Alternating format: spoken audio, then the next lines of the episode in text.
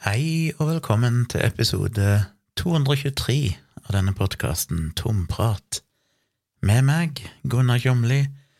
Jeg spiller dette inn eh, torsdag 26. august, og podkasten kommer i morgen 27. august.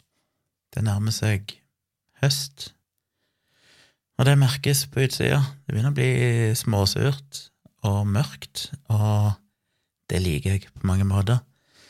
Jeg er et, eh, en, en høstmann, et høstmenneske, det må jeg si, og vårmann. Vår og høst, det er mine favorittårstider, definitivt. Vi må gi en liten oppdatering på hva som har skjedd siden sist, og så skal jeg snakke mm, bitte grann mer om politikk før jeg skal snakke om et tema som er basert på en eh, mail jeg fikk, der en stiller spørsmål om angående dette med overvåking av barn, altså foreldre som sporer barna sine via apper eller klokker, for å se hvor de, hvor de er hen, og hva de driver på med, og litt av mine tanker om det. Det skal jeg komme tilbake til. Eh, men jeg må starte med å si at eh, shit, i dag har jeg fått meg bil. Det er uh, Det er skummelt. I dag har jeg vært så stressa. Hele dette her boligsalg og boligkjøp og bilkjøp, det er jo Det er jo det, Hvem er det som lærer deg sånt? Det er så fucking skummelt, og jeg føler bare jeg ikke skjønner noen ting av det som foregår. Jeg har jo bygd et hus tilbake igjen i 2004, sammen med min ekskone på Tonstad i den tida, og jeg husker veldig lite av det, men det gikk jo tydeligvis òg greit, og det er litt sånn jeg føler med alt. Det virker veldig skummelt, men når du bare starter prosessen og bare sender en mail eller ringer noen, så stort sett så går ting av seg sjøl etterpå. Folk eh, holder deg i hånda og, og egentlig automatiserer det meste, så Systemet er jo tilrettelagt for at alle er idioter, som jo stort sett er, spesielt meg, når det gjelder sånt. Jeg har null peiling på det. Men vi har nok klart å få solgt boligen, som jeg har nevnt, og vi har ikke fått kjøpt noe ennå, for vi har ikke funnet noe ennå som passer i Kristiansand. Men vi skal på en visning på søndag igjen, og det blir jo spennende å se hvordan det ser ut, om det lever opp til boligannonsen på finn.no. Men vi har kjøpt bil, og det skjedde jo litt sånn spontant. Det vil si, vi har jo tenkt i noen uker nå på at hvis vi skal flytte til Kristiansand, så måtte vi jo ha en bil, for du kan ikke leve der uten bil. Uh, Iallfall ikke når jeg skal kjøre en del rundt, sannsynligvis på fotooppdrag og jobbsammenheng og, og, andre ting, så er det veldig, veldig praktisk å ha bil. Så vi måtte ha ikke en bil, men hvorfor en bil skulle vi ha? Og Mulig jeg snakka litt om dette i en tidligere episode, jeg husker ikke. Men eh, det endte vel Jeg først vurderte om vi skulle lease en bil, for det virka så greit med tanke på forutsigbare kostnader og sånn. Men så vet jeg jo selvfølgelig at det alltid er Det er ulemper med det òg. Det kan bli dyrt når du leverer tilbake bilen etter eksempel tre år, hvis de finner et eller annet de mener som er unødvendig slitasje eller noe sånt, så må du plutselig betale blodpris for det. Og det kan en òg forsikre seg mot, så det, er en, det, er mange her som tjener penger. Men eh, så tenkte jeg etter hvert nei, kanskje vi heller må kjøpe en bil. Og da var jeg litt sånn keen på en eller annen litt sånn litt større bil. Eh, vi har jo leid gjennom bilkollektivet et par ganger en sånn Toyota Rav 4. Og den syntes jeg var veldig praktisk. Den hadde vi jo på denne ferieturen i juni når vi kjørte rundt i Norge. Og syntes den var veldig behagelig, og liker liksom å sitte litt høyt i en bil og sånn. Men Tone var veldig innstilt på en elbil, og innerst inne så har jeg jo alltid hatt lyst på en elbil. Jeg har jo tenkt at skal en kjøpe bil nå i disse dager, så må en egentlig kjøpe elbil. Men så blir en alltid litt usikker når en ikke har hatt elbil tidligere. Det er sånn, ah, funker det egentlig, hvordan er det, hvordan forholder vi oss til det? Får en problemer med, med lading og alt det der. Men eh, etter hvert som tankene fikk satt seg litt, så mm, fant vi ut at skal du ha elbil, så er det jo egentlig Tesla som gjelder. Ja, det finnes etter hvert nå, nylig, veldig mye andre gode, tror jeg, elbiler, men de er veldig nye, og vi skulle kjøpe brukt. Og på bruktmarkedet så er det definitivt flest um, elbiler fra Tesla som er gamle nok til at de er billige nok til at vi har råd til dem. Det finnes sikkert noen elbiler som er brukte av andre merker òg, men de er stort sett veldig nye. For det er jo bare de helt siste år eller to omtrent der er kommet noen skikkelige modeller fra andre produsenter, så vidt jeg har fått med meg. Så når du søker på elbil på finn.no brukt, så er det jo primært Tesla som kommer opp. Og Tesla fremstår jo fortsatt som overlegent på eh, selve softwaren, egentlig.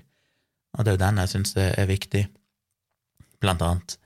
Jeg liker det at ting er så integrert, og du har en app, og du kan styre alt og fjernstyre, og du styrer alt via en skjerm. og ja, jeg snakka litt om dette i forrige livestream, så jeg skal ikke gå gjennom alle detaljene på nytt. Uh, Hvilke modeller vi vurderte og sånn, men vi endte opp med at vi fant ut vi skulle ha en Model S, som jo var den første Tesla-modellen som er blitt oppdatert litt år etter år, men som regnes som et av de beste kjøpene du kan gjøre på bruktmarkedet nå til dags. Så vi kikka litt, fulgte litt med på finn.no, og det syns jeg var overveldende, fordi det var så mange av de at eh, det er litt sånn shit, hvordan skal jeg klare å sammenligne disse? Hvordan i verden skal jeg vite hvilken av disse her brukte Teslaen som jeg egentlig bør kjøpe? Men jeg hadde litt lyst til å kjøpe av en eller annen forhandler, for det, det føles tryggere og enklere enn å kjøpe av en privatperson. Um, hvis du har skikkelig peiling, så for all del kjøp av en privatperson, men jeg har jo ikke særlig peiling på bil. Og når jeg kjøper bil, så kan jeg tenke meg at folk som hører på dette, som har litt peiling på bil, de må få litt samme følelsen som jeg får når jeg hører noen har kjøpt seg en ny datamaskin. Så er det sånn å, Hvis noen i familien min har kjøpt, så tenker jeg du må ikke kjøpe uten å snakke med meg først. Jeg må liksom sjekke at dette er skikkelige greier. Og sånn er det nok mange som føler når de hører at jeg skal kjøpe bil, for det shit, jeg har jo ikke peiling. Så jeg så litt YouTube-videoer med Tesla, eh, forskjellen på de forskjellige modellene, noen videoer om hva du burde sjekke når du kjøpte en brukt Tesla Model S. Uh, ja, litt av hvert sånn. Og følte etter hvert jeg ble klokere. Sånn, ok, det er dette som er forskjellen på de forskjellige årsmodellene, og det er dette som finnes ekstrautstyr, og dette, dette, er tingene du bør sjekke og legge litt merke til når du kjøper en brukt Tesla. Og så dukka det opp uh, egentlig tre Tesla i vår prisklasse ifra en eh, bilforhandler som tydeligvis driver og kjøper og selger brukte biler. Så sendte jeg en mail til, mail til deg og bare sa sånn shit, jeg skjønner ikke helt, eller jeg synes det er vanskelig å få oversikten over hva som er forskjell, kan dere bare trekke ut essensen av hva som egentlig er forskjellen på disse bilene her, og om dere har noen anbefaling om hva som er det beste kjøpet her.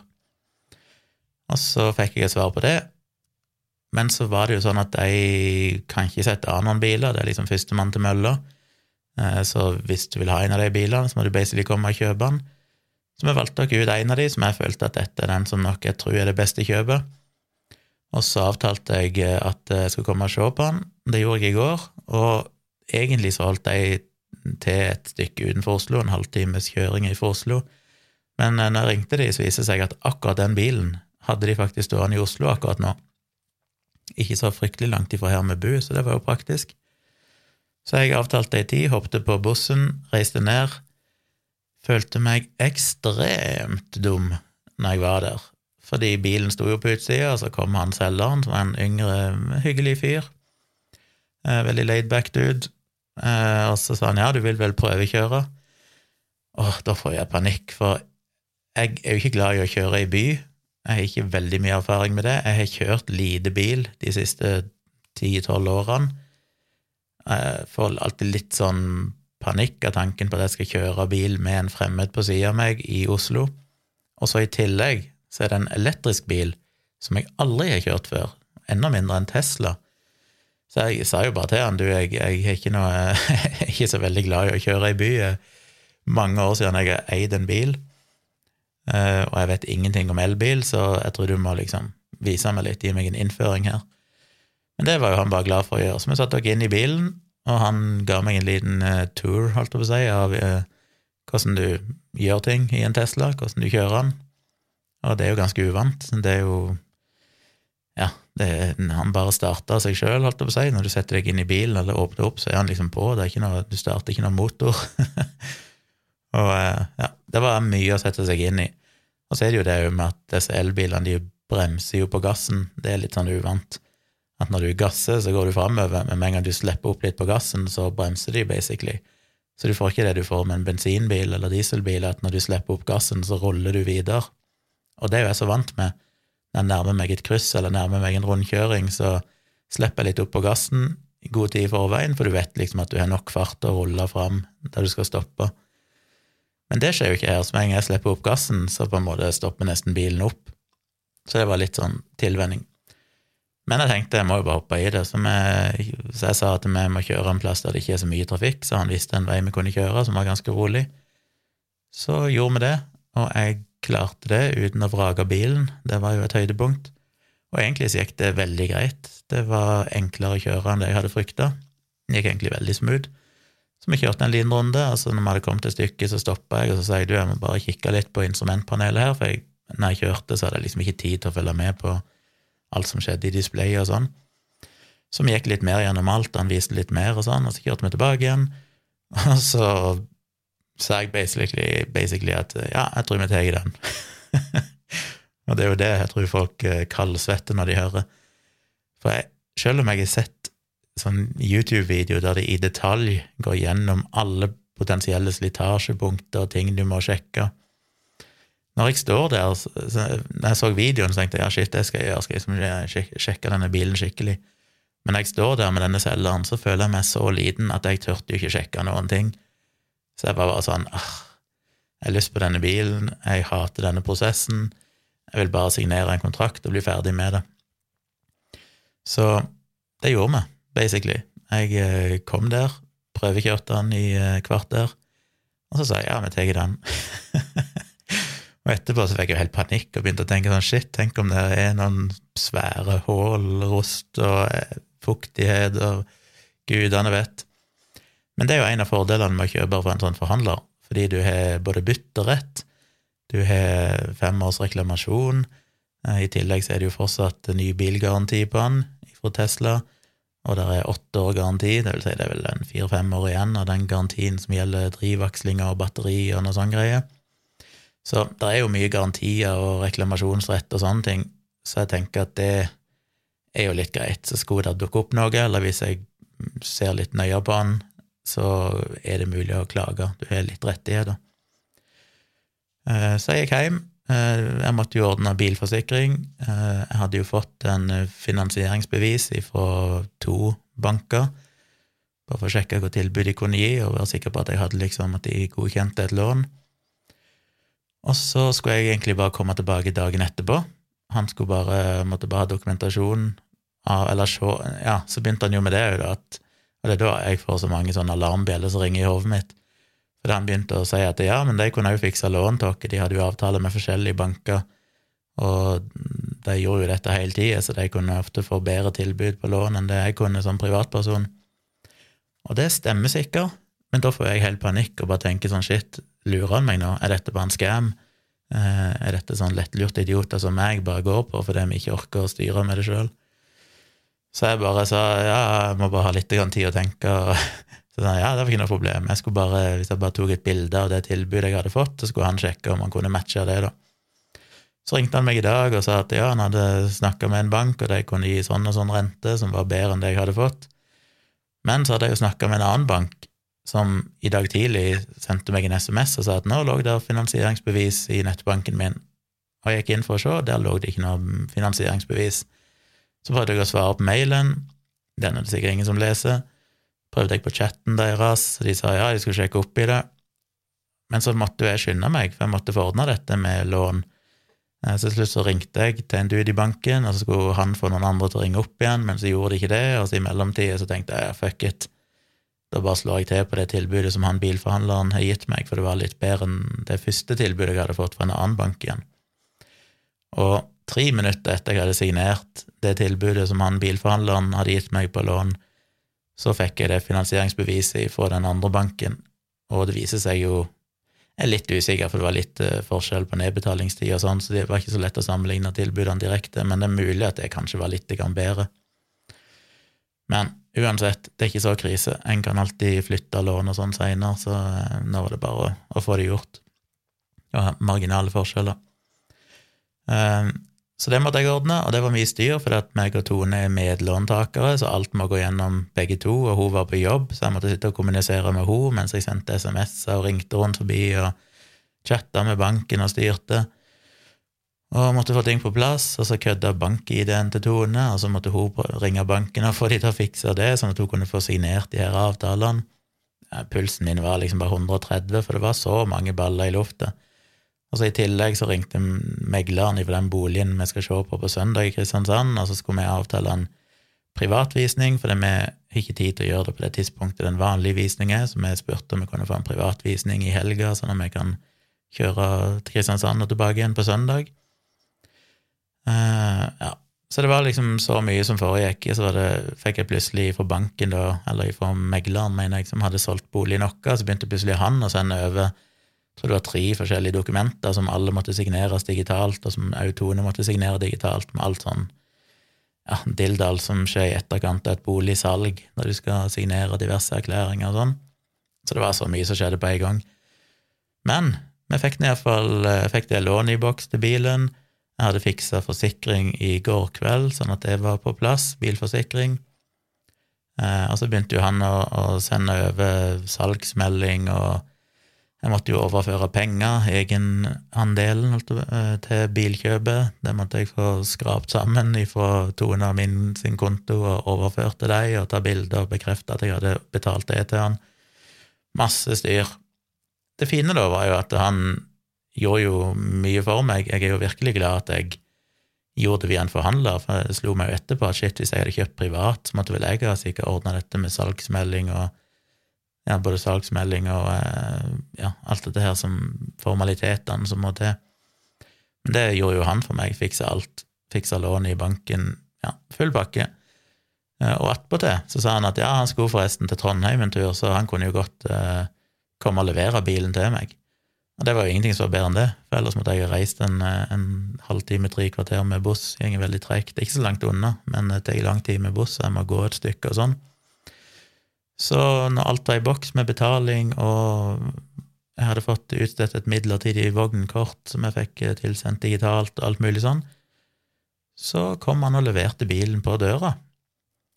Så det var jo Så ga han meg en liten instruksjonsrunde med hvordan nøklene virka og sånn, som mye òg må læres opp når jeg ikke har gjort det før, for det Nei, jeg hadde nok skjønt det sjøl, var ikke akkurat så mye å lære, men han, han ga meg en liten sånn visning av det. Og så reiste han, og så shit, så satt jeg plutselig der med en Tesla Model S 2018-modell. Og det var jo litt surrealistisk, for det skjedde fort. Eh, jeg har fortsatt litt sånn uggen følelse i magen for at jeg har gjort et dumt kjøp. Eh, jeg vet jo ikke hva jeg driver på med. Samtidig så har jo jeg kjøpt biler før, og jeg har hatt like lite peiling tidligere, og det har alltid gått veldig greit, aldri hatt noen problemer i ettertid. Så Stort sett så går det greit. Jeg føler alltid det er to måter å forholde seg til sånne ting på. Det ene er å være den der ekstremt kritiske typen som skal liksom stille alle kontrollspørsmål og sjekke og være litt vanskelig og vrien. Og så er du sånn som meg, som basically bare sier, bare godtar alt de sier, og sier ok, greit. og så langt så har det gått veldig greit i livet mitt å gå på den måten. Det er ikke godt å si om det slår positivt ut. Ville han ha levert bilen hvis jeg hadde vært en sånn kjøper som skulle være veldig kritisk til alt og sjekke ting og sånn? Kanskje han ikke hadde følt så veldig for det da? Kanskje han likte meg fordi jeg var en enkel, uh, enkel kunde å forholde seg til? Gudene vet. Så det kan slå begge veier, tenker jeg. Det kan være positive og negative ting med å være for uh, kritisk og skeptisk til, til akkurat sånne kjøpsprosesser. Jeg håper det ikke biter meg i ræva seinere. Men det første jeg gjorde, var jo da å kjøre og hente Tone på jobben. Og jeg må innrømme at det òg var litt sånn skummelt. Plutselig skulle jeg bare ut og kjøre i en bil som var min, en fuckings elbil, en Tesla. Jeg har ikke hatt bil siden jeg har hatt eh, biler holdt å si, hele mitt liv, gamle vrak og noen bruktbiler først, et par stykk, og så endte jeg vel opp med å kjøpe et par-tre biler, splitter nye, fordi at jeg var sånn jeg vil ha en ny bil, jeg vil ikke risikere at det er noe galt med de, for jeg kan ingenting om biler, jeg vil bare at den skal virke. Så meg og min ekskone, vi kjøpte jo først en bil sammen, ut på 2000-tallet en gang. Og så skulle vi få eh, dattera mi, hun ble gravid, fant vi ut shit, vi må ha en større bil, for vi hadde bare kjøpt en knøttliten Peugeot. Så bare et år etter vi hadde kjøpt den, eller sånn, så måtte vi kjøpe en ny bil. Og da tror jeg vi bytta inn den gamle, som jo er et enormt tap. Tapte sikkert, gudene vet, 100 000 eller noe sånt. Eh, og kjøpte ny bil for samme forhandler, som var en stasjonsvogn, vel. Og så et år etter det så gikk vi ifra hverandre. så da beholdt hun den bilen, og så måtte jeg kjøpe meg en ny bil igjen. Så i løpet av tre år eller sånn, så kjøpte jeg tre nye biler, sikkert med, med kraftig Ja, jeg vet ikke om jeg tapte på den siste, for da fikk jeg vel halve verdien. Jo, jeg tapte vel på det, usikker. Jeg husker ikke. Men jeg kjøpte nye biler, og så hadde jeg jo den siste bilen bare i et par år eller noe sånt før jeg flytta til Oslo. Jeg eh, hadde han vel i halvannet år, så flytta jeg til Oslo, og da ble han bare stående på Tonstad. Og så ett år eller noe sånn, halvannet år etter det så solgte jeg han, for da innså jeg at jeg kommer til å bli i Oslo, og jeg vil ikke ha noen bil i Oslo, så da solgte jeg han. Men det var altså i 2011 eller noe sånt jeg solgte den bilen. Og jeg flytta til Oslo i 2010, så nesten tolv år nå så har jeg ikke egentlig kjørt bil, enten bare sånn av og til når jeg er på Tonstad, eh, eller en sjelden gang når jeg er leid en av bilkollektivet, sånn én eller to ganger i året har jeg kjørt, omtrent. Og så eh, plutselig har jeg en bil igjen. Det kjipe er jo det at hvis ikke du har hatt bil på tre år, så starter jo den forsikrings... Hva er heter, Bonus? Starter jo for scratch. Og jeg har jo hatt bil i uendelig mange år og hadde sikkert opparbeida meg en, en, høyere bonus. Men uh, heter det bonus? Nå føltes det veldig rart å si. Bonus. Bonus Ja, dere vet hva jeg mener, den der prosenten som øker sånn at forsikringa blir billigere jo lenger du har kjørt uten skade og sånn. Men siden det er så lenge siden jeg har hatt bil, så er jo den nullstilt, så nå starter jeg jo som en, eh, en 18-åring, holdt jeg på å si, med, med, med min minste bonus. Det, det, men sånn er det. Så vi har bil. Scary. Jeg klarte å kjøre opp og hente Tone uten å krasje. Det gikk veldig greit, og jeg må si jeg gleder meg nå til å legge ut på langtur. Eh, det gode lydanlegget det har jeg heller aldri hatt i en bil før. Eh, det er hifi-anlegget i bilen. Takluka som kan åpnes. Eh, det er bare fancy, hele greia. Så på søndag så kjører vi altså av gårde mot Kristiansand, skal på en boligvisning. Etter vi har sett på den, så skal jeg møte dattera mi og ekskona mi, og vi er egentlig sikkert ute og spiser en plass. Og så kjører vi faktisk tilbake inn til Kristiansand samme kvelden, så det blir mange timers kjøring. Men det får vi leve med. Det blir sikkert en drøm når vi kjører Tesla. Så det er iallfall gjort. Så det eneste som gjenstår nå, egentlig, er jo bare å få finne en ny bolig og faktisk få kjøpt den. I dag, da jeg signerte alle de her avtalene i forbindelse med boligsalget, så fikk jeg jo litt vondt av den stakkars kjøperen, for det det var jo en dude som eh, vant budrunden, som ikke var så veldig vanskelig, for vi hadde egentlig bare én budgiver. Han kom først med et bud som var lavere enn det vi hadde lagt ut boligen til, så det sa vi nei til, og så kom det kort tid etterpå et nytt bud som var på det vi hadde lagt ut boligen til, og så kom det ingen andre, og da måtte vi jo bare slå til på det, for det var liksom minimum av det vi hadde. Vi tenkte ja, får vi det, så aksepterer vi det, selv om vi ikke var så fornøyd med akkurat det budet, men greit nok. Og da merka vi jo navnet hans men da jeg fikk disse dokumentene i dag for signering, så sto det plutselig noen helt andre navn. Og da tenkte jeg shit, stakkar, denne duden har da mista denne boligen på grunn av denne fuckings Obos-forkjøpsretten. Så ja, det syns jeg er trist. Eh, kjipt å vinne anbudet, også, eller vinne budrunden, og tror du har fått deg en ny bolig, og så kommer det noen idioter som benytter seg av forkjøpsretten og bare sier nei, vi vil heller ha den. Det er jo ikke noe å si for vår del, for de må jo ta den til de samme betingelsene og prisen som høyeste bud var. Men jeg syns bare det er trist, for den fyren, det er sånn system jeg ikke kan fatte eksisterer. Det virker bare hjerterått. og hadde jeg hatt muligheten til det sjøl, tror jeg ikke jeg hadde benytta meg av han. Jeg hadde følt meg så fæl hvis jeg hadde benytta meg av en sånn forkjøpsrett og snappa en bolig foran noen andre som har sittet og bydd på han og vært på visning og sikkert begynt å drømme om at nå skal de ha den boligen. Men sånn var det, så da blir det noen helt andre som flytter inn her enn det jeg trodde. Ikke at det er noe å si, jeg kjenner ingen av de, men, men sånn er det nå. Om eh, ei uke så har jeg fått eh, på plass en gjest i denne podkasten, og det er Karl Johan Tronstad, som er professor ved Institutt for biomedisin i Bergen. Han eh, så jeg i en debatt da de diskuterte ME oppe i Tromsø, tror jeg, på noe som heter for lytring, for jeg har vel vært deltatt i debatt der sjøl for noen år siden. Eh, så da lå jeg ute på YouTube. Jeg så den debatten, der blant annet òg Henrik Vogt var med, og en til som jeg ikke husker, eller ei dame som jeg ikke husker helt hvilken rolle hun hadde.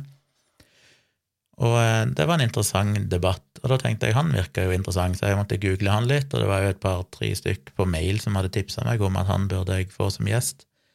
Så jeg sjekka litt opp, og han driver jo med forskning, og de har nettopp nå publisert en ny forskningsartikkel som går på dette med biologiske markører knytta til ME. Og siden Henrik Vogt er veldig tydelig på at han ikke har noe tro på den forskningen, og mener at dette primært er psykologisk eller en stressrespons, så er det jo interessant å høre hva de som forsker på dette, mener. For jeg er usikker sjøl, jeg har jo sjøl vært kritisk til den forskningen og sagt at jeg er usikker på om disse biologiske markørene de finner, disse forskjellene, eh, er årsaker til ME, eller om de bare er en konsekvens av ME. Så det har jeg lyst til å høre litt mer om han. Hva er det de har funnet, hva vet han om forskningen? Eh, bare for å få det perspektivet òg. Så jeg har jo sendt ut mail til to-tre andre aktører som jeg òg håper vil delta, men det er ikke svart ennå. Men jeg får iallfall med Karl Johan Tronstad, så det blir spennende. Han skal jeg da intervjue via nettet eh, på torsdag om ei uke. Så kommer den episoden neste fredag. Så da får dere høre den hvis dere har lyst til å høre et litt annet perspektiv på dette med ME og kronisk utmattelsessyndrom og og alt som hører med der, innenfor den biomedisinske forskningen.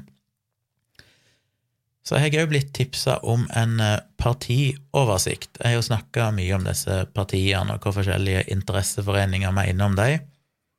Jeg ble tipsa inne på eh, kritisketenkere.no, som jo alle må gå og registrere en brukerkonto på og delta i debattene der. Der blir det posta mye interessante artikler og spørsmål og påstander som det går an å diskutere, eller bare lese hvis dere syns det er interessant. Og eh, der tipsa noen meg i chatten der inne, for det er jo en, en chat hvis du er betalende medlem, så får du tilgang til en gruppechat. Der var det noen som tipsa meg om en oversikt inne på Reddit, der det var en Reddit-bruker som hadde laga en tabell der han hadde funnet alle sånne her forskjellige, de jeg har gått gjennom, men òg noen andre, og satt de opp oversiktlig med de forskjellige temaene langs Y-aksen, holdt jeg på å si, eller vertikalt eh, radene, og så i kolonnene så er det de forskjellige politiske partiene, og så er han lagt inn da hvilken score de fikk fra null eller én til seks på alle disse testene, og så har han òg fargekodet det, sånn at han har ifra rødt, som er en veldig låg score, til grønt, som er eh, seks, da. Forskjellige graderinger, så du òg får en visuell representasjon.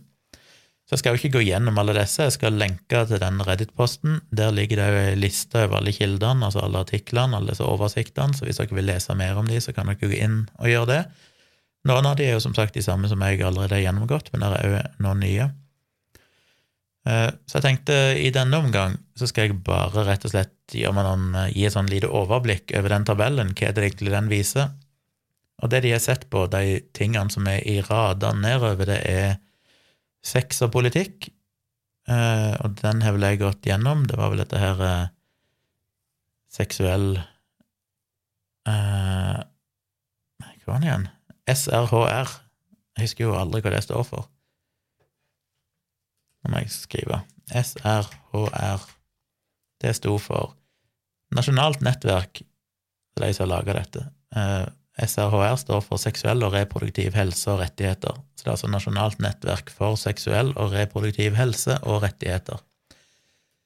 Den har jo gått gjennom, og som dere husker der, kanskje, så kom MDG best ut med en score på 5,7, etterfulgt av S, nei, etterfulgt av uh, Rødt. Så kom uh, SV og Venstre på en del tredjeplass. Så kom Ap, så kom Høyre og KrF, så kom Senterpartiet og Frp lågest med en score på tre.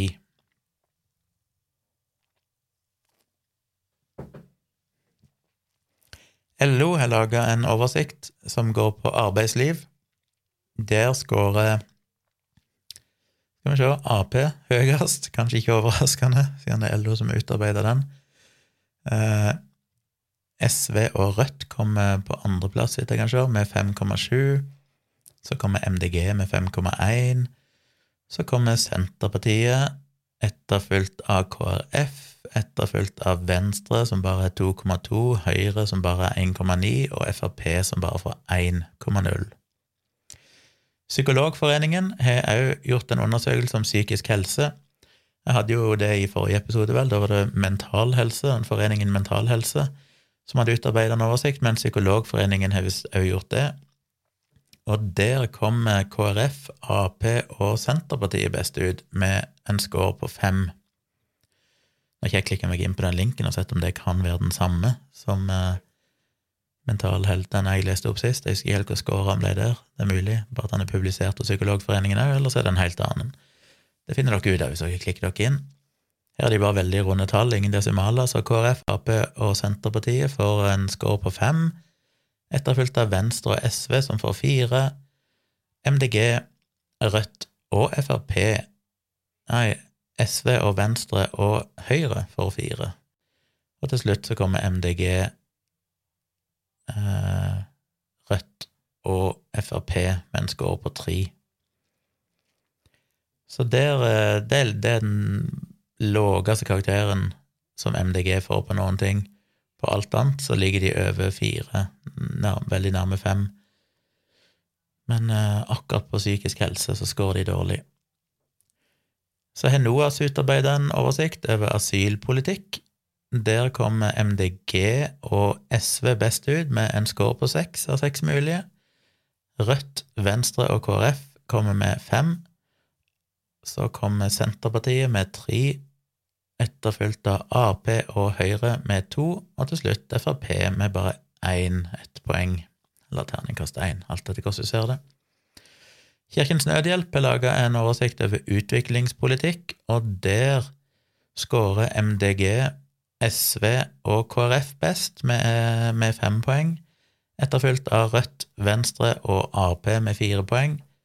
Så kommer Senterpartiet med 3,3, Høyre med 2,3 og Frp på bånn igjen med 1,5. Det minner meg litt om at jeg fikk en melding av noen et eller annet sted i en eller annen kanal, der det var ei som spurte meg om hun var sammen med en som vurderte å stemme Frp, hun lurte på om jeg kunne oppsummere veldig fort til henne noen argumenter som hun kunne bruke for hvorfor han ikke burde gjøre det. Det husker jeg faktisk ikke om jeg svarte henne på i det hele tatt, um, men jeg leste det. Jeg leser alt, det er ikke alltid jeg svarer. Uh, men kanskje den oversikten kan være et argument, der Frp stort sett skårer dårligst på alle ting. For Fortidsminneforeningen de har en oversikt over politikken rundt kulturvern, og der kommer òg MDG og Senterpartiet best ut, med terningkast seks, eller seks poeng. Eh, Venstre har fem poeng, SV og KrF fire poeng, etterfulgt av Rødt, som har tre poeng, og så kommer Ap, Høyre og Frp på bånn med to poeng hver.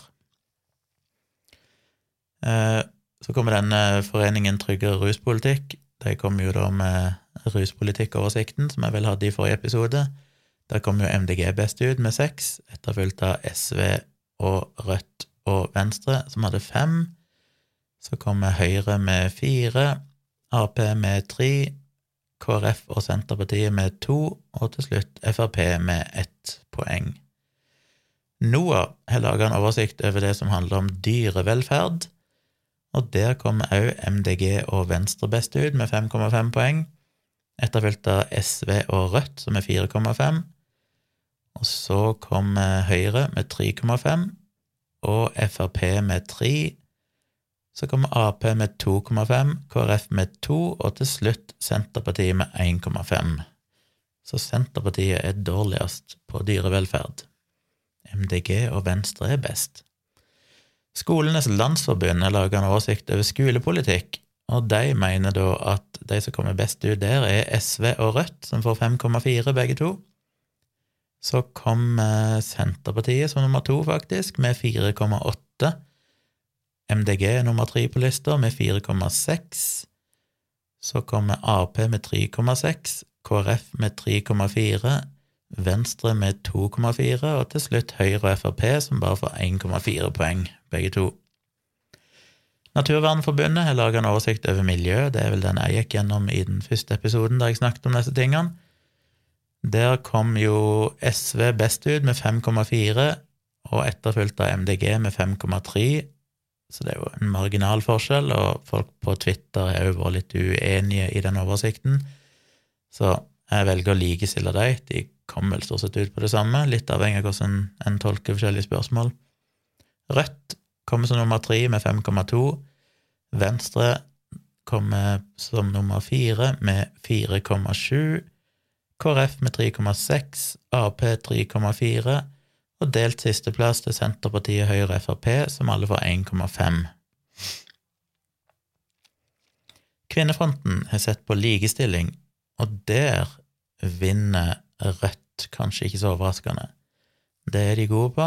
5,7 poeng til Rødt, etterfulgt av SV med 5,4, etterfulgt av MDG med 4,8. Og så kommer KrF, faktisk, med 3,8.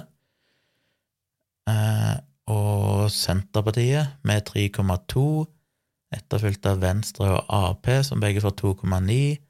Kommer Høyre med 1,3, og til slutt Frp med bare ett poeng. Vi nærmer oss slutten. Dyrevernalliansen de har jo sett på dyrevern. Ikke dyrevelferd, som Noah så på, men dyrevern. Vet ikke hva som er definert som forskjellen her, om det bare handler om eh, vern av ville dyr, eller noe sånt. Men eh, de heter jo Dyrevernalliansen, så da må de vel se på dyrevern. MDG kommer best ut der òg, med seks poeng, etterfulgt av SV, Rødt og Venstre, som har fem. Så kommer både KrF, Ap, Høyre og Frp på en del tredjeplass med to poeng hver, og til slutt Senterpartiet, som bare får ett poeng. Syklistenes Landsforening, de òg jo sjekka et eller annet, det står ikke hva det er her i oversikten, men jeg vil anta det er politikk knytta til syklistenes rettigheter og, og sykleforhold. Der kommer MDG best ut med 5,3, SV Rødt etterpå med 4,3, så kommer Venstre med 3,7, så kommer KrF med 3 poeng, så kommer Ap og Høyre, som begge får 2,3, Senterpartiet får 2, og Frp får bare 1 poeng der òg. NHF, som vel er Norsk Handikapforbund, har sett på dette med funksjonshemma sine rettigheter. Det er vel den jeg så på òg i en tidligere episode. Der får MDG 5, etterfulgt av både SV, Rødt og Ap, som alle får fire. Så kommer KrF og Senterpartiet med tre poeng. Venstre deler nest siste plass med Frp. De får to poeng, begge to. Og til slutt kommer Høyre, som bare får ett et stusslig lite poeng. Og til slutt så er det NBBL, norsk Hva er det står for? Norsk eh, Boligbyggerlag Nei, gud jeg vet. Et eller annet sånn. Et eller annet med bolig. Eh, de har ranka MDG og SV øverst. De får begge 4,7 poeng på en delt førsteplass, etterfulgt av Rødt, som får 4 poeng. Så kom KrF med 3 poeng, Senterpartiet Nei, Venstre med 2,7, Senterpartiet med 2,3, Ap og Høyre deler igjen nest siste plass med to poeng, og til slutt Frp med 1,7. Så kan vi jo da se på gjennomsnittet, som kanskje er det mest interessante, for nå er dere jo blitt helt blinde i tall her. Men i snitt, hvis vi ser på scoren i snitt, så ser vi jo at det partiet som kommer dårligst ut, er Frp. De får bare 1,74 poeng og det er ganske stusslig. 1,74 poeng på en skala fra 1 til 6. Da har de ikke skåret høyt på mange av disse. De har Det er vel det eneste partiet, bortsett fra Senterpartiet, som fikk én på dyrevern, og Høyre, som fikk én på den funksjonshemma, så er det kun Frp som har skåret én, og det gjør de på fem forskjellige ting. Så Frp får bare 1,74. Nest sist kommer Høyre, som får 2,32. Ikke så mye å skryte av det òg, altså under snittet på alt sammen. Senterpartiet får 3,11. Ap 3,27. KrF 3,48. Venstre får 3,91. Og så kommer vi til topp tre. På tredjeplass får vi da Rødt, som skårer 4,59. SV, som skårer 4,87, Og på førsteplass, ta-da, MDG, som skårer 5,2 i snitt, altså. Så det er jo interessant at MDG, SV og Rødt er de tre partiene som skårer best. Det er topp tre. Er relativt små partier. Så småpartiene, det er vel det som står som tittel her, at eh, småpartiene er best likt av interesseforeningene. Og det veier ganske tungt for meg. Det er kanskje idiotisk, for det er klart andre ser kanskje mer på, på eh, Og det, det, er ikke noe feil i det. Eh, de store linjene med økonomisk politikk og sånn. Men når en ser på interesseforeningene, altså du snevrer det inn til å se liksom på skole, psykisk helse, dyrevern, handikappa, miljø, likestilling, alt dette her, så kommer småpartiene best ut med den beste politikken, ifølge interesseforeningene sjøl, som jeg jo tror burde vite litt om disse tingene. Og jeg synes det, for meg veier det ganske tungt, og det er jo det jeg har brukt tidligere som argument for å stemme SV, for det, jeg har sett at de stort sett har toppa disse listene tidligere. Nå har jo MDG kommet på banen, og så vidt uh, rast forbi de. Så MDG skårer nå øverst, og jeg stemte jo MDG. Og alternativ to var jo SV, og alternativ tre for meg var vel Rødt. Og det er jo da topp tre i den rekkefølgen. Så sånn sett så føler jeg jo at jeg har et godt kalibrert internt partibarometer, om jeg må få si det sånn. Kanskje dette er en ekstrem grad av confirmation bias. Men da vet dere det, hvis dere lurer på hva dere skal stemme. Og bryr dere om dette, så er det altså MDG som skårer best. Og hvis du trenger et argument for ikke stemme Frp, så burde jo dette telle litt. At de kommer dårligst ut på så godt som absolutt alt, med det dårligste snittet, iallfall.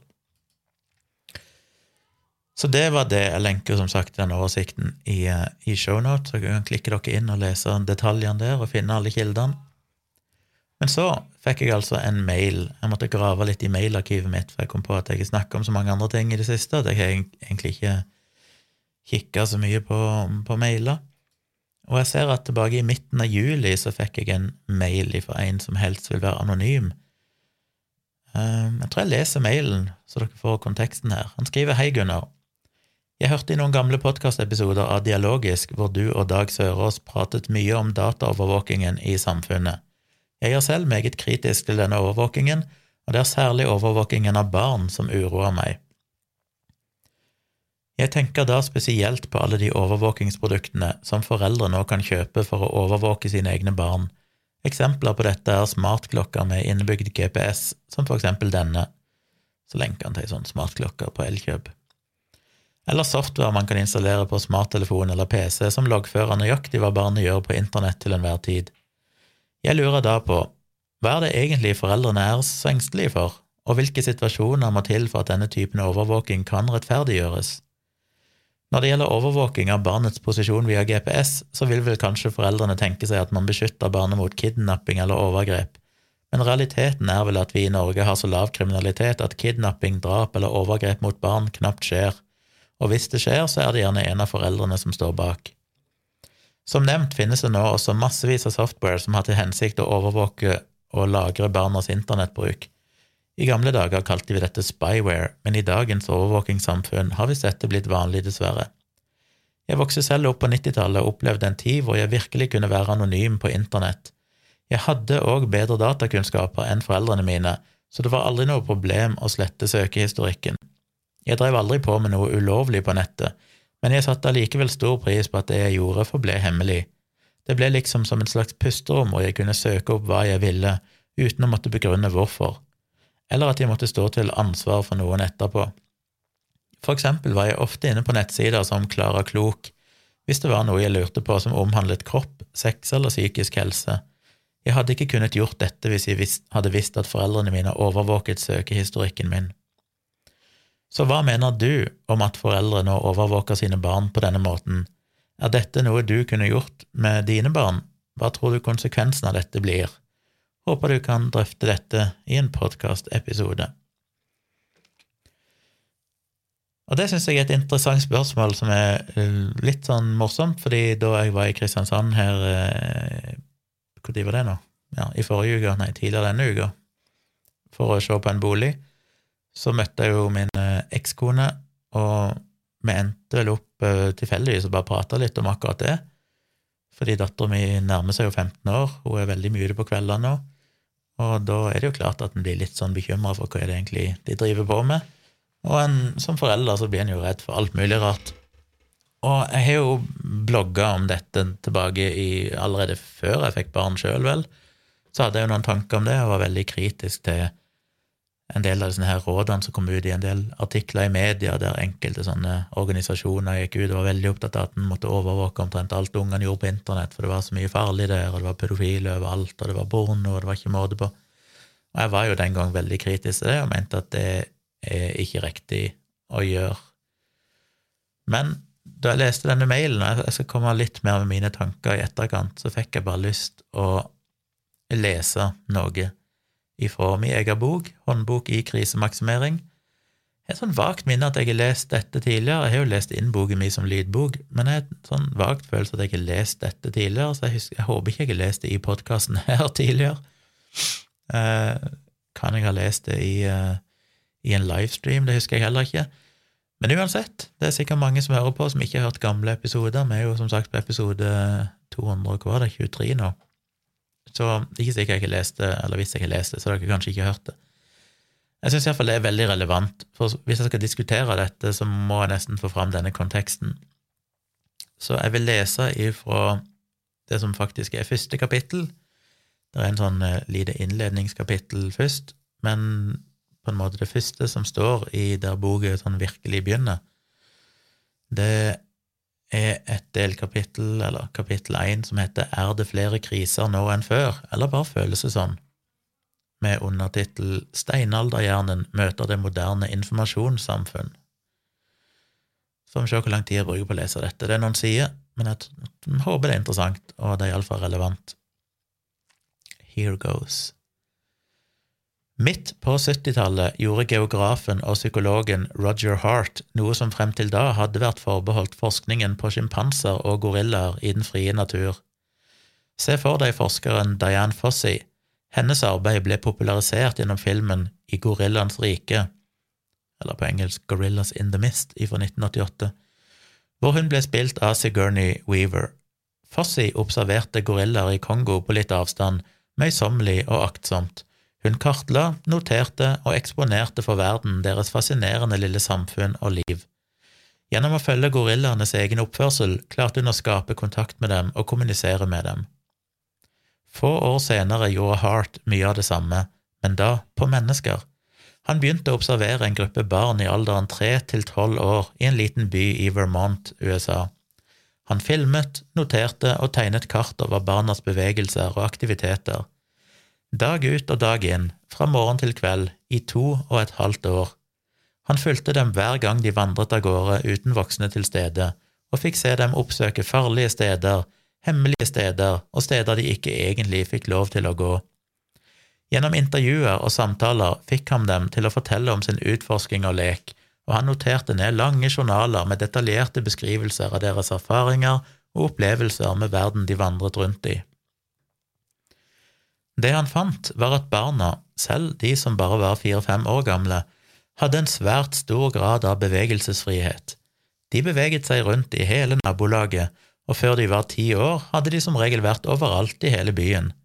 Ja, en del av dem som beveget seg eh, Sorry. Ja, en del av dem beveget seg også i utkanten av byen, ved en stor innsjø, et sted man skulle tro foreldrene ville være svært restriktive med å la dem være alene.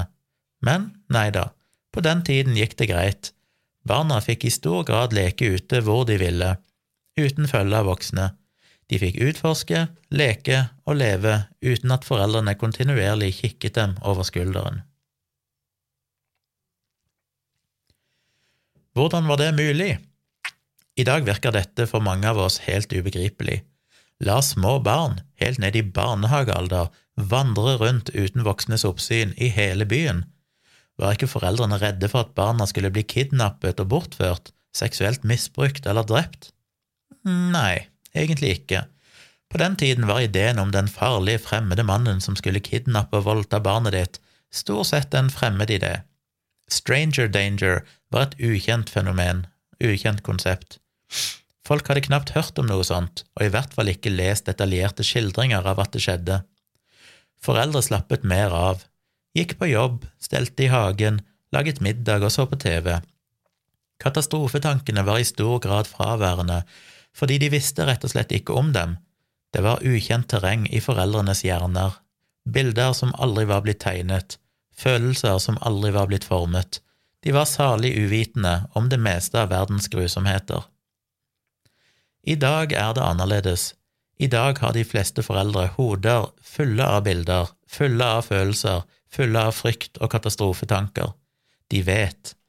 De har lest, sett, hørt, kjent på verdens lidelse, opplevd globale katastrofer gjennom TV-skjermen eller nettleseren. Det har endret den moderne forelder betraktelig, og som konsekvens endret barndommen til dagens unge. Det virker i hvert fall slik, men kanskje er det bare en illusjon, kanskje var det ikke så annerledes for noen tiår siden. Vi er tross alt alle ofre av å føle at alt var så mye bedre før. Kanskje vi bare lurer oss selv. Roger Hart ønsket å se om han kunne dokumentere slike endrede holdninger i praksis. Derfor gjentok han studien sin rundt 30 år senere, midt på 2000-tallet. Han oppsøkte samme lille by i Vermont og begynte å kartlegge bevegelsene og opplevelsene til en stor del av barna av de nå voksne i barna han opprinnelig studerte 30 år tidligere. Det han fant, var en dramatisk endring. Da han ba disse nye barna om å vise ham hemmelige og farlige steder, tok de ham sjelden lenger av gårde enn en spasertur rundt eiendommen hvor de bodde. Den bevegelsesfriheten deres foreldre hadde, var fullstendig forduftet. Nå var ideen om at barna kunne løpe av gårde og underholde seg selv hvor de selv ville, så lenge de kom hjem til leggetid, helt borte. Foreldrene ønsket å vite hvor barna var til enhver tid, og de skulle helst ikke bevege seg utenfor synsvidde. Det er kanskje ikke så rart, tenker du, fordi verden er tross alt blitt et mye farligere sted i dag enn den var tilbake på det rolige 70-tallet. Vi vet alle at det er mer vold, mer drap, mer kriminalitet, flere seksuelle overgrep og mer terror i dag enn før. Da vi var unge, var verden ganske rolig og trygg. Alt var tross alt mye bedre før. Problemet er bare at det ikke stemmer. Det er en følelse mange av oss har, men den er feil. Fullstendig feil. Mengden kriminalitet i den lille byen i Vermont var praktisk talt uendret i løpet av de rundt 30 år som var gått mellom de to undersøkelsene til Hart. Demografien var også uendret. Byens befolkningssammensetning og karakter var ikke vesentlig forskjellig på 70-tallet og i det nye årtusen. Det fantes altså ingen rasjonell grunn for at barna skulle ha så mye mindre bevegelsesfrihet i 2005 sammenlignet med 1975. Byen var ikke blitt noe farligere å bo og leke i, men forskjellen i oppdragelse og levemåte var likevel påfallende. Hart tok så til med å intervjue foreldrene for å forsøke å finne ut hva som forårsaket denne endringen. Svaret han fikk, var enkelt og greit frykt. Eller som en av foreldrene selv uttrykte det, du vet, man vet aldri hvem som befinner seg der ute, eller hva disse gærne folkene finner på. Og personen som sa dette, var 30 år tidligere et av barna som man på filmopptakene til Hart kunne se at selv hadde en enorm frihet, som lekte fritt i skogen eller ved innsjøen utenfor byen uten noen voksne som passet på. Da Hart ba de nye barna fortelle ham om et skremmende sted, kunne de finne på å ville ringe sin mor for å be henne hjelpe til med å forklare hvor det var. Noe slikt skjedde aldri da han intervjuet barna på 70-tallet. Da var de skremmende stedene plasser hvor foreldrene aldri selv hadde vært med barna. Barna hadde utforsket disse helt alene. I det nye årtusenet gikk ikke det lenger. De voksne fulgte med, overalt, hele tiden. En annen endring Hart merket seg, var at de moderne foreldrene iblant ba om å få være til stede da han intervjuet barna deres. Noe slikt skjedde heller aldri på 70-tallet. Foreldrene som ba om dette, fikk sitt ønske høflig avvist, men den nye frykten foreldrene hadde, folk som tross alt selv hadde blitt intervjuet av samme mann da de var barn og burde vite at dette var trygt og ordentlig, var interessant å merke seg. Selv det å la en voksen mann snakke med barna deres på tomannshånd vekket frykten i dem. Hvem vet hva disse gærne folkene finner på? Vi vet i dag for mye om verdens farer til at vi klarer å stole helt på fremmede, og til at vi klarer å stole helt på barna våre. Verden er tryggere enn noensinne før, så denne overdrevne fryktreaksjonen og behovet for overvåking og kontroll av barna er således særdeles paradoksal. Kriminaliteten i den vestlige verden har pekt i samme retning de siste 50 år, nedover. Både i USA og i Norge synker kriminaliteten år for år. I USA er det mindre voldelig kriminalitet og færre drap i dag enn det var på 70-tallet. Det er også tryggere i Norge i dag enn det var da jeg var barn, om man legger statistikk for kriminalitet, drap og vold til grunn. Trafikksikkerheten er gått opp, færre barn skades i alvorlig, alvorlig i lek, færre barn dør av sykdommer, og risikoen for å utsettes for tyveri, ran eller vold er mindre. Barnedødeligheten synker globalt, og levealderen går opp. Likevel går vi rundt med større katastrofetanker nå enn før. Ifølge politiets nasjonale innbyggerundersøkelse fra 2010 hadde hele 77% av nordmenn inntrykk av at det var blitt mer kriminalitet i Norge det siste året. Realiteten er likevel at vi må nesten tre tiår tilbake for å finne samme lave tall for kriminalitet som i dag her til lands. Den har sunket jevnt og trutt de siste 15 år, etter en topp på slutten av 90-tallet. Hvorfor er vi blitt så redde? Hvorfor tror vi at verden er blitt farligere når det motsatte er tilfellet? Svaret på dette paradokset ser ut til å ligge i evolusjon. Vår hjerne har over millioner av år utviklet seg til å føle frykt som et viktig middel i vår selvbeskyttelse. Når vi ser eller hører noe som virker mistenkelig, for eksempel noe som knirker i huset midt på natten, opplever vi frykt.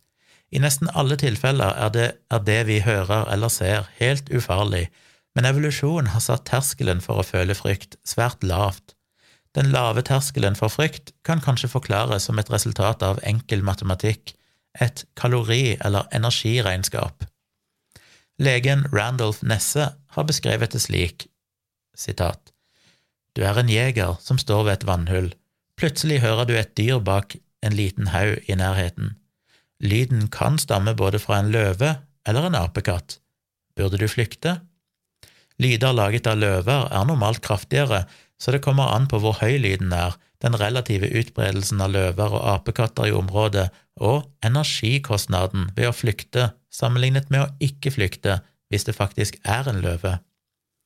Hvis kostnaden ved å flykte, vil si at du får et panikkanfall, er rundt regnet 200 kalorier, og den gjennomsnittlige kostnad ved å ikke flykte, hvis du faktisk ender opp med å måtte slåss mot løven, er 200 000 kalorier, så burde du flykte hvis lyden er kraftig nok til at sannsynligheten for at en løve nærmer seg, er mer enn én av 1000.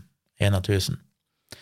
Det betyr at i 999 eh, av 1000 tilfeller vil panikkopplevelsen være en falsk positiv, men likevel helt normal. Slutt.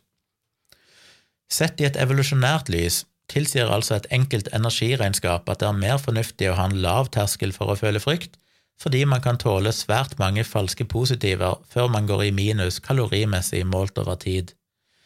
I en tid med begrensede ressurser, den gang hver kalori måtte spares på for å overleve, var det mer ressurssparende å bruke noen få kalorier på å flykte unødvendig ofte enn å bruke mange ganger flere kalorier på å redde seg selv fra et farlig angrep. Dette ser vi fortsatt hos dyr. Med unntak av de tammeste husdyr er de fleste dyr fulle av frykt, de er bokstavelig talt reddharer. Alt fra edderkopper til elger rømmer bare de ser eller lukter en potensiell trussel. Frykt er en fundamental overlevelsesmekanisme, og terskelen er derfor satt veldig lavt. Evolusjonen har over tid justert denne terskelen for å føle frykt til å ligge et sted som er overlevelsesmessig gunstig med tanke på energiforbruk, men ikke så lavt at frykten hindrer oss fra å fungere i hverdagen. Hvis vi var så redde for alt at vi ikke lenger våget å skaffe oss mat eller møte en partner for sex, vil heller ikke gen genene bli videreført. De aller reddeste genene døde altså bort gjennom naturlig seleksjon, på den annen side kan vi si at de som hadde gener som gjorde at de for sjelden følte frykt, bærerne av de modigste eller mest dumdristige genene, oftere døde fordi de ikke reagerte på en fare de burde ha sett komme. De som derimot følte mer, men ikke for mye frykt, var også mer forsiktige og oppvakte uten å bli helt handlingslammet i hverdagen, og hadde da større sjanse for å overleve. De levde lenge nok til å føre sine fryktfølende og passe modige gener videre. Vi kan derfor si at vi er etterkommerne til de som heller følte frykt en gang for mye enn en gang for lite. Derfor er vår terskel for å oppleve frykt i dag relativt lav. Kampen mellom ikke å sløse energi, men samtidig fungere i hverdagen, har plassert fryktnivået på et nivå som, i hvert fall frem til moderne tid, var fornuftig. Det å tolerere falske positiver i fryktresponsen var altså overlevelsesmessig gunstig i en tid hvor Homo sapiens stort sett levde i små grupper, hvor alle inntrykk de fikk, kom fra deres nære omgivelser. Hvis man opplevde noe som genererte en følelse av frykt, var det nødvendigvis også noe man sto i umiddelbar risiko for å føle konsekvensene av selv. Det som skapte frykt, var noe du observerte direkte, noe som var der du var. Det eneste unntaket var kanskje en og annen historie fortalt rundt bålet, men de fleste tilfeller av fryktrespons var praktisk nyttige, de beskyttet personen mot en reell fare for dem i deres omgivelser der og da. I dag er situasjonen en helt annen, og det er en relativt ny tilværelse vi befinner oss i. Bilder, lyd og video av folk som drepes, fly som styrter, barn som dør, bomber som eksploderer, folk som kjøres i hjel, så vel som en uendelig strøm av nyheter om voldtekter, forsvinninger, vold, sykdom, ulykker, naturkatastrofer og drap, har bare eksistert de siste få tiår. Med internett og sosiale medier har mengden av slik informasjon eksplodert ytterligere. I dag utsettes vi for inntrykk som skaper frykt hos oss hele tiden. Problemet er bare at nesten alle disse inntrykkene gjelder hendelser som vi aldri står i reell fare for å oppleve selv. De finnes som regel ikke i vår umiddelbare nærhet, Farene er ikke der hvor vi er. Det er inntrykk fra helt andre deler av verden, kanskje fra en annen tid, og det er inntrykk fra hendelser som statistisk sett aldri vil ramme noen av oss, men som virker hyppige og nære fordi vi får formidlet enhver slik hendelse som skjer fra hele kloden. Futuristen og forfatteren Ray Kurzweil har formulert det slik, sitat, Folk tror at verden blir stadig verre, vi ser det både på venstre- og høyresiden, og vi ser det i andre land. Folk tror verden blir stadig verre. Det er inntrykket folk har. Men det som i realiteten skjer, er at informasjonen vi har om alt det som er galt i verden, blir stadig bedre. For et århundre siden vil det være en strid eh, som visket ut nabolandsbyen, og du vil aldri høre om det engang. Nå kan det være en hendelse på andre siden av kloden, og du hører ikke bare om den, du opplever den. Sitat slutt. Eller mer konsist, verden blir ikke stadig verre, det er informasjonen som blir stadig bedre. Vårt fryktsenter bombarderes av inntrykk som på ingen som helst måte er relevante for våre liv, men som vi ikke har noen mekanisme for å filtrere bort. Frykten vår trigges om og om igjen så hyppig og intenst at vi ender opp med å føle oss reddere og reddere. Den primitive delen av hjernen takler møtet med moderne teknologi dårlig. Mekanismen i hjernen som responderer på inntrykk og skaper en følelse av frykt, er forenklet sagt den samme hos deg som hos en hamster. Vi er som hamstere å regne hva gjelder prosessering av frykt. Verden har gått videre i et dramatisk tempo, men evolusjonen har ikke klart å holde følge.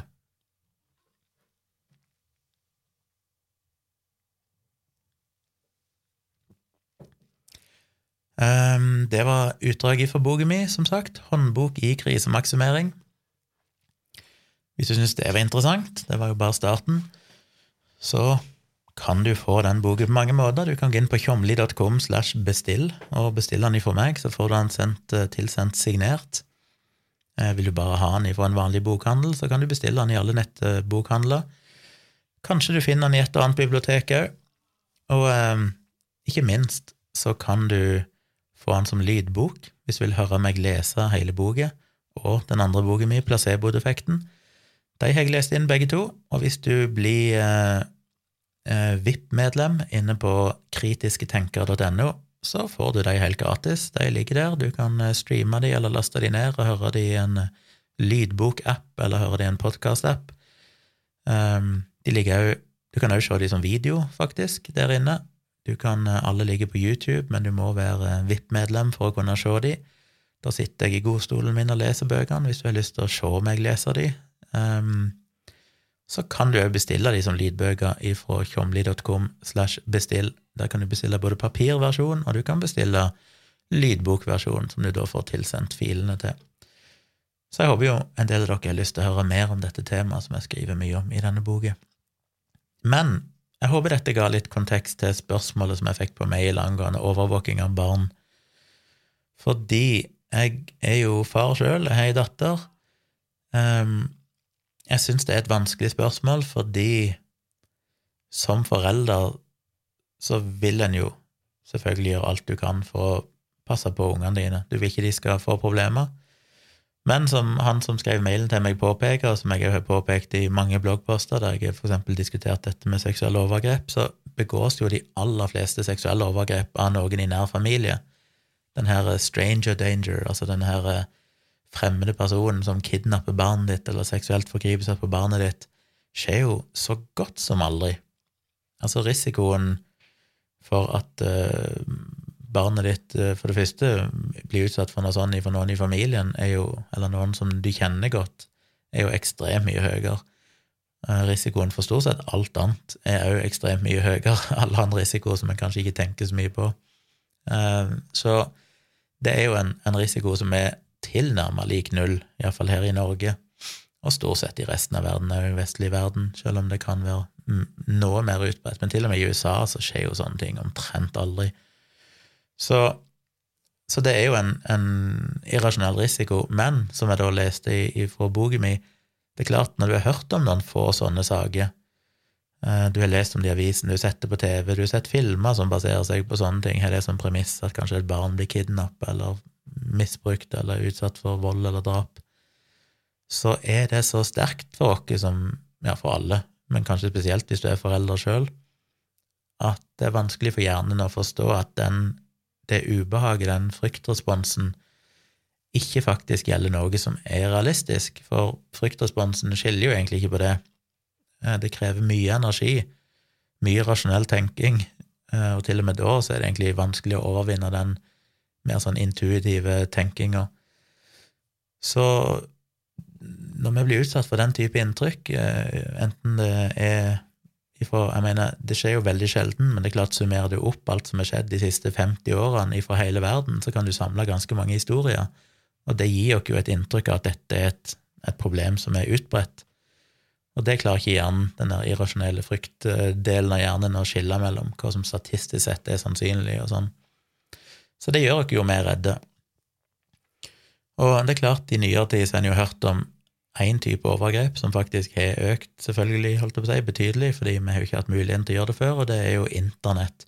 Dette med internettovergrep, med menn som regel, som utgir seg gjerne for å være en yngre person, og skal liksom skape vennskap med unge barn, og etter hvert da klare å manipulere de til å sende nakenbilder av seg sjøl, og så kan det brukes som utpressing videre, og det er jo det er lite som gjør meg mer forbanna enn tanken på det, at du kan være så jævla kynisk og ufordragelig at du kan gjøre noe sånt mot et barn, eh, mot et annet menneske generelt sett. Bare det med å liksom bedrive manipulasjon og løgn er jo noe som jeg syns er helt er, er, er ekstremt vanskelig for å håndtere folk som driver med sånt, men spesielt når du gjør det mot, mot et barn. Og bare tenke på den frykten som må være der når du føler at du har gjort noe galt, og noen truer deg med å spre nakenbilder av deg, eller den skammen og frykten, det, det, er altså så forferdelig å tenke på at noen skal måtte gjennomgå det. Og dessverre så finnes jo de folkene der ute som gjør sånt, og de har jo da ofte titalls, kanskje hundretalls med ofre når de først er i gang, før de blir avslørt. Så det er klart, sånne historier òg gjør jo at en tenker sånn mm, Kanskje jeg burde følge litt med på hva barnet mitt driver med på internett. Jeg har jo diskutert med meg sjøl, og for så vidt min, eh, min eks, altså mora til min datter, eh, flere ganger opp gjennom tida, hvor godt vi burde følge med. Problemet er bare det at jeg tror en òg som foreldre lurer seg sjøl veldig. Hvis for eksempel jeg sa til dattera mi at du, jeg skal ha muligheten til å sjekke Snapchat-kontoen din, eller jeg skal ha muligheten til å sjekke meldingene dine på Instagram, så er det jo ikke noe problem for henne å unngå det. Jeg vet jo allerede at dattera mi har flere kontoer, noen som er lukka og private, som bare de som spør og som hun kjenner, eh, eller iallfall har lyst til å si ja til, får lov å komme inn og se. Jeg vet hun har privat Instagram-konto som ikke jeg heller har tilgang til Og så har hun en åpen Instagram-konto som jeg da ser og kan følge, men der hun poster veldig lite.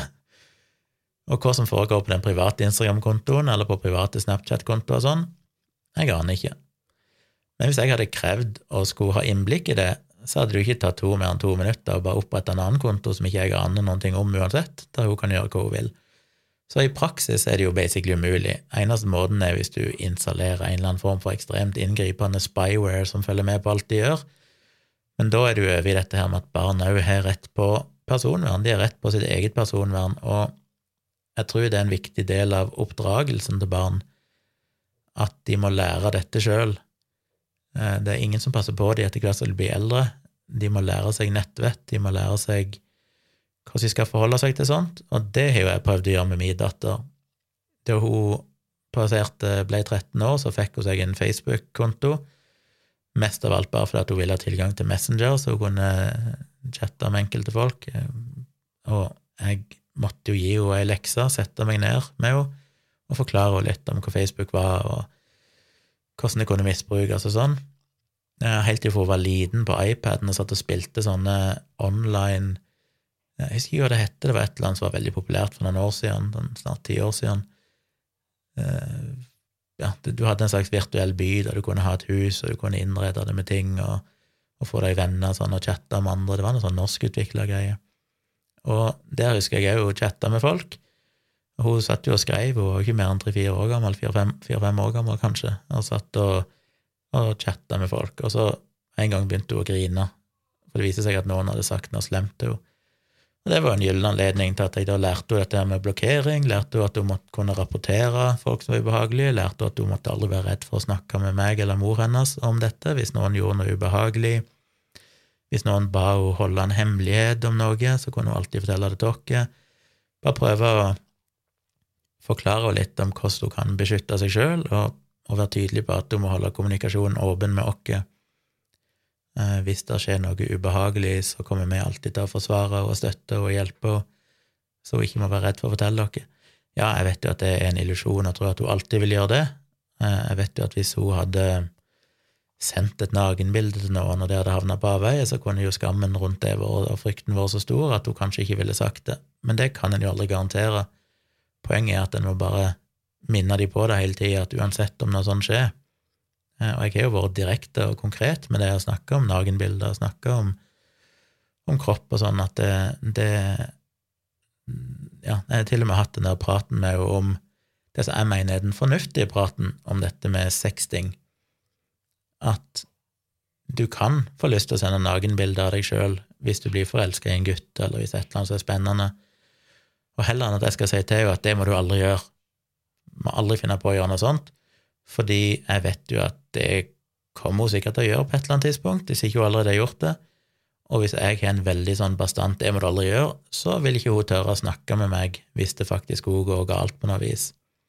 Så jeg har heller prøvd å fortelle henne mer sånn praktisk at hvis du skal komme i en situasjon der du velger å sende et sånt bilde, selv om jeg har vært tydelig på at det er ikke noe du bør gjøre, du bør være forsiktig, fordi du aldri vet hvem den andre er. Uansett hvor mye du liker en person eller tror du stoler på en person, så, så kan du aldri vite hva de gjør med bildene, og når du er sendt dem, så har du ingen kontroll over dem lenger. Til og med om det er noen du kjenner, så vet du aldri om dere kan bli uvenner en dag, og så kan de bildene havne på avveie. Så jeg er jo veldig tydelig på at hvis du gjør det, så skal du ha, ha tenkt gjennom det. Men samtidig har jeg vært tydelig på at jeg regner jo med at du kanskje kommer til å gjøre det en dag. Og da er det det enkleste tipset er jo send bilder som ikke er gjenkjennbare. Ikke vis ansiktet ditt. Sender du et sånt bilde, ha de for halsen og ned. Pass på at ikke det er noen veldig tydelig gjenkjennbare elementer i bakgrunnen, for da blir bildene ingenting verdt, og det er vanskelig å bruke dem mot deg hvis ikke du har ansikt på dem. Jeg skulle ønske at det var et budskap som kom mer ut, heller enn at vi hender ideen om at dette aldri skal skje. Så, eh, så jeg prøvde å ha den praten med å ha det på en måte som gjør at hun skjønner at jeg ikke er fordømmende, at jeg skjønner at det kan gjøres. Jeg vel til og med sagt det, at det er sånn jeg òg har gjort. Eh, så det er noe som alle kan finne på å gjøre, hvis du liker noen godt og er i rette humøret. Og det tror jeg er den viktigste måten å beskytte folk på, fordi i det øyeblikket du blir for streng og for bastant og for fordomsfull, så er det jo liten sjanse for at de kommer til å, å snakke med deg om det hvis de havner i problemer. Og den ideen om at du kan være så streng og, og liksom bastant at de aldri kommer til å gjøre det, det, det, tror jeg ikke funker, spesielt når det gjelder ting som handler om sex og følelser, der de ofte blir tar styringa, spesielt i tenårene, når du er i den situasjonen. Så det tror jeg er en bedre måte å håndtere sånne ting på. Passe på at du har en åpen kommunikasjonskanal, ikke være fordomsfull, men samtidig være veldig tydelig og fortelle dem og sette deg ned og forklare dem risikoen som er med alle disse tingene. Lære de hvordan de kan beskytte seg sjøl gjennom blokkering og rapportering og sånne ting. Eh, bare være tydelig på at de ikke egentlig kan stole 100% på noen der ute. Alt skjer med en risiko. Eh, så har jeg aldri da overvåka noen ting av det hun gjør òg fordi at, som sagt, jeg vet at hvis jeg hadde gjort det, så finner hun måter å skjule det for meg på uansett.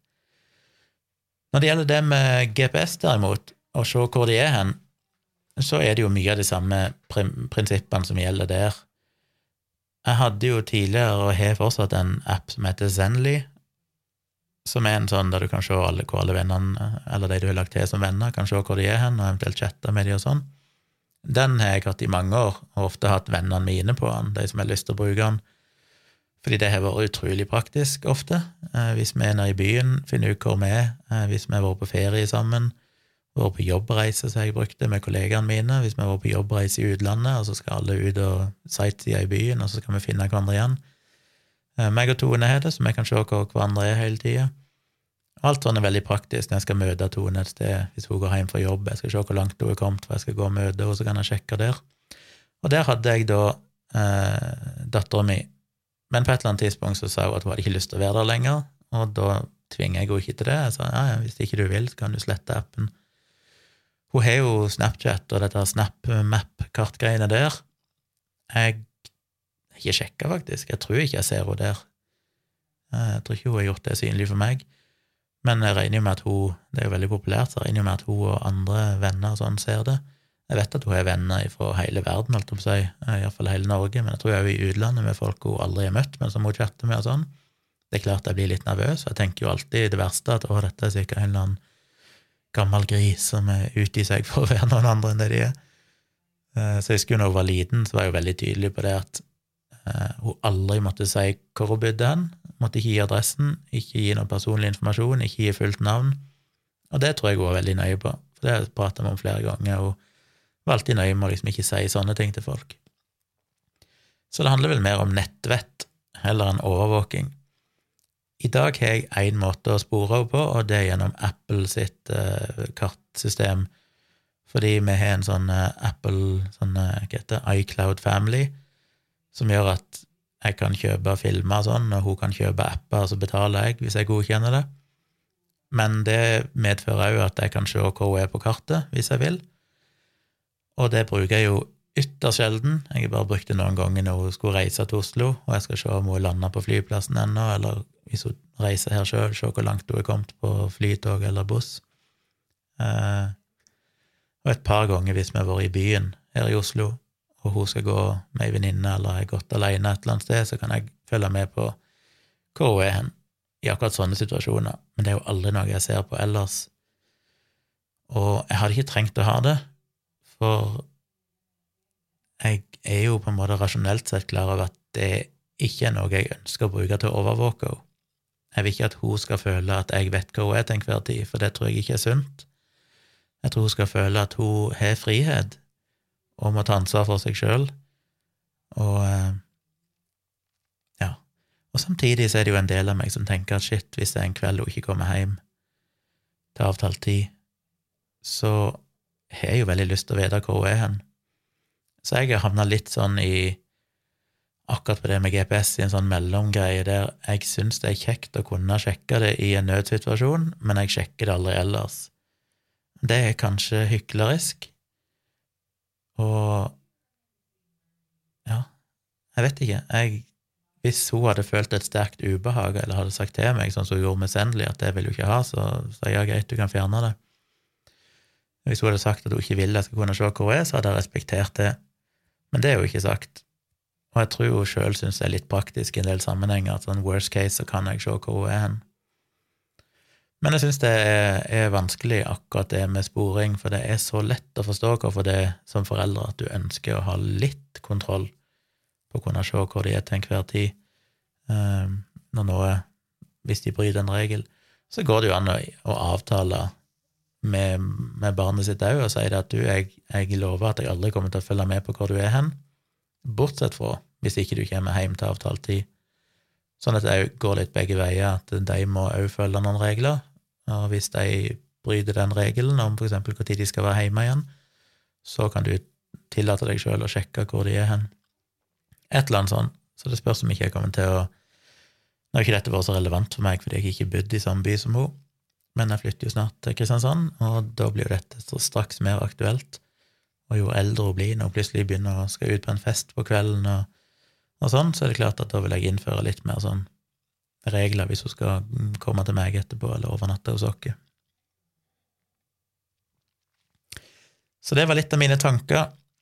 Eh, kort oppsummert, jeg er ikke tilhenger av overvåking av mobil og datamaskin, mye òg for det som han skribenten her, mailskribenten, skriver, at jeg vil ikke at hun skal være redd for å, å søke på ting eh, som handler om kropp og seksualitet og andre ting som hun føler kan være flaut hvis vi oppdager. Jeg vil jo aldri sjekke søkehistorikken hennes eller noe sånt. Eh, så heller ha en, en prat med de jevnlig opp gjennom alderen etter hvert som de trenger å lære nye ting og kan håndtere mer informasjon, så må jo det oppdateres. Jeg snakket jo med henne da hun både var tre-fire år gammel og begynte å bruke iPad, og så har jeg gjentatt den praten i ny og ne. Eh, etter hvert som hun har brukt nye tjenester, etter hvert som hun får nye utfordringer. Det var ikke noe utfordring med nakenbilder sånn da hun var veldig liten, men nå som hun blitt tenåring, så er plutselig det noe som er, relevant. Så da tar jeg den praten med henne. Og jeg føler snart jeg må ha en ny prat med henne. Føler det begynner på tide, bli på tide igjen, og bare gi henne en liten sånn påminnelse om, om eh, nettvett og sånn. Og når det gjelder sporing på GPS, så er jeg usikker. Som sagt, jeg mener det er kjekt å ha i en nødsituasjon, men jeg vil være veldig tydelig overfor henne på at det er ikke noe jeg følger med på. Til vanlig, hvis hun er ute med vennene sine, så skal ikke jeg drive og kikke hvor hun er hen, det skal hun føle seg trygg på. Så det er min, mine tanker rundt det. Og jeg tror jo definitivt òg at det er en falsk trygghet. Hvis du kjøper ei sånn klokke til barnet ditt fordi du alltid skal kunne følge med på hvor de er hen, til og med når de skal på skolen og sånn, så tror jeg nok det er noe som bare skaper unødvendig frykt. Du vil sannsynligvis få mange flere falske positive da, at du for eksempel mister forbindelsen, eller at de plutselig går en omvei fordi de møter en venn, eller sånn, og så er du redd for at de er blitt kidnappa, eller annet sånt. Um, og det tror jeg ikke er sunt, det gjør deg bare mer hysterisk. Så um, jeg tror ikke vi skal drive og følge med på sånne ting altfor mye. Jeg tror det bare er skadelig, både for tilliten mellom deg og barnet ditt, eh, og det kan òg gjøre at du ved å bruke den type ting, enten å overvåke datamaskin og, mobil eller spore de til enhver tid, så er det kanskje et slags hinder mot at du tar de viktige pratene med de, som handler om nettvett og hvordan de skal være trygge fordi du føler bare at du kan følge med sjøl heller, og da tar du over det ansvaret som de sjøl burde ha å lære seg, og som er så viktig å lære seg i dag. Ja, jeg skal ikke rante mer om det, det var noen mine tanker rundt det. Jeg vil gjerne høre hva dere har å si om det. Send mail til tompratpodkast.gmail.com hvis dere har noen tanker og innspill eller spørsmål, så er jeg veldig glad for å, å høre hva dere tenker.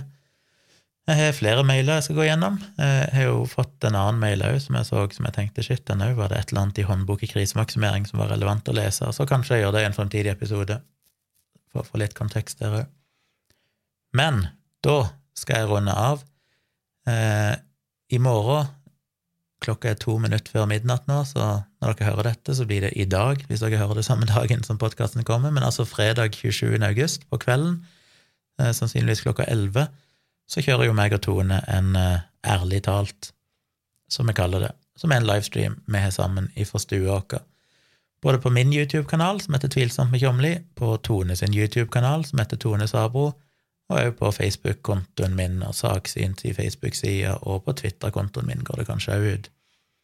Men iallfall på YouTube er jo best å se det. Så en av våre YouTube-kanaler, så kan dere se det. Jeg oppretter vel den streamen i løpet av morgen ettermiddag eller noe sånt, så Eh, tidlig på kvelden i morgen så kan dere gå inn og søke etter Ærlig talt, og så finner dere den livestreamen som ligger klar, og som starter klokka 11. Og Der kan dere trykke på en knapp som heter Få en påminnelse, og da vil du få en påminnelse fra YouTube når det nærmer seg, eller når vi går live. Så det er veldig kult om dere blir med. og stiller spørsmål og deltar i praten. Har dere tanker om dette med overvåking av barn, så kan dere jo kanskje stille spørsmål der òg, så kan Tone òg delta i den praten, hvis dere har lyst til jeg skal komme med noen oppfølgingstanker rundt det. Så alt mulig er interessant der. Um, er det noe mer jeg skal minne om? Nei. Jeg reiser som sagt til Kristiansand på søndag, fram og tilbake. På tirsdag så får Tone andre dose av vaksinen, og det er godt. Da er hun fullvaksinert. Og på tirsdag kommer jo òg en ny episode av denne podkasten, så ja, takk for at du hørte på en lang episode. Lik og del. Del med alle du kjenner, tips andre om denne podkasten. Få ordet ut til alle som vil høre på, som du tror kan være interessert. Og sjekk ut kritisketenkere.no.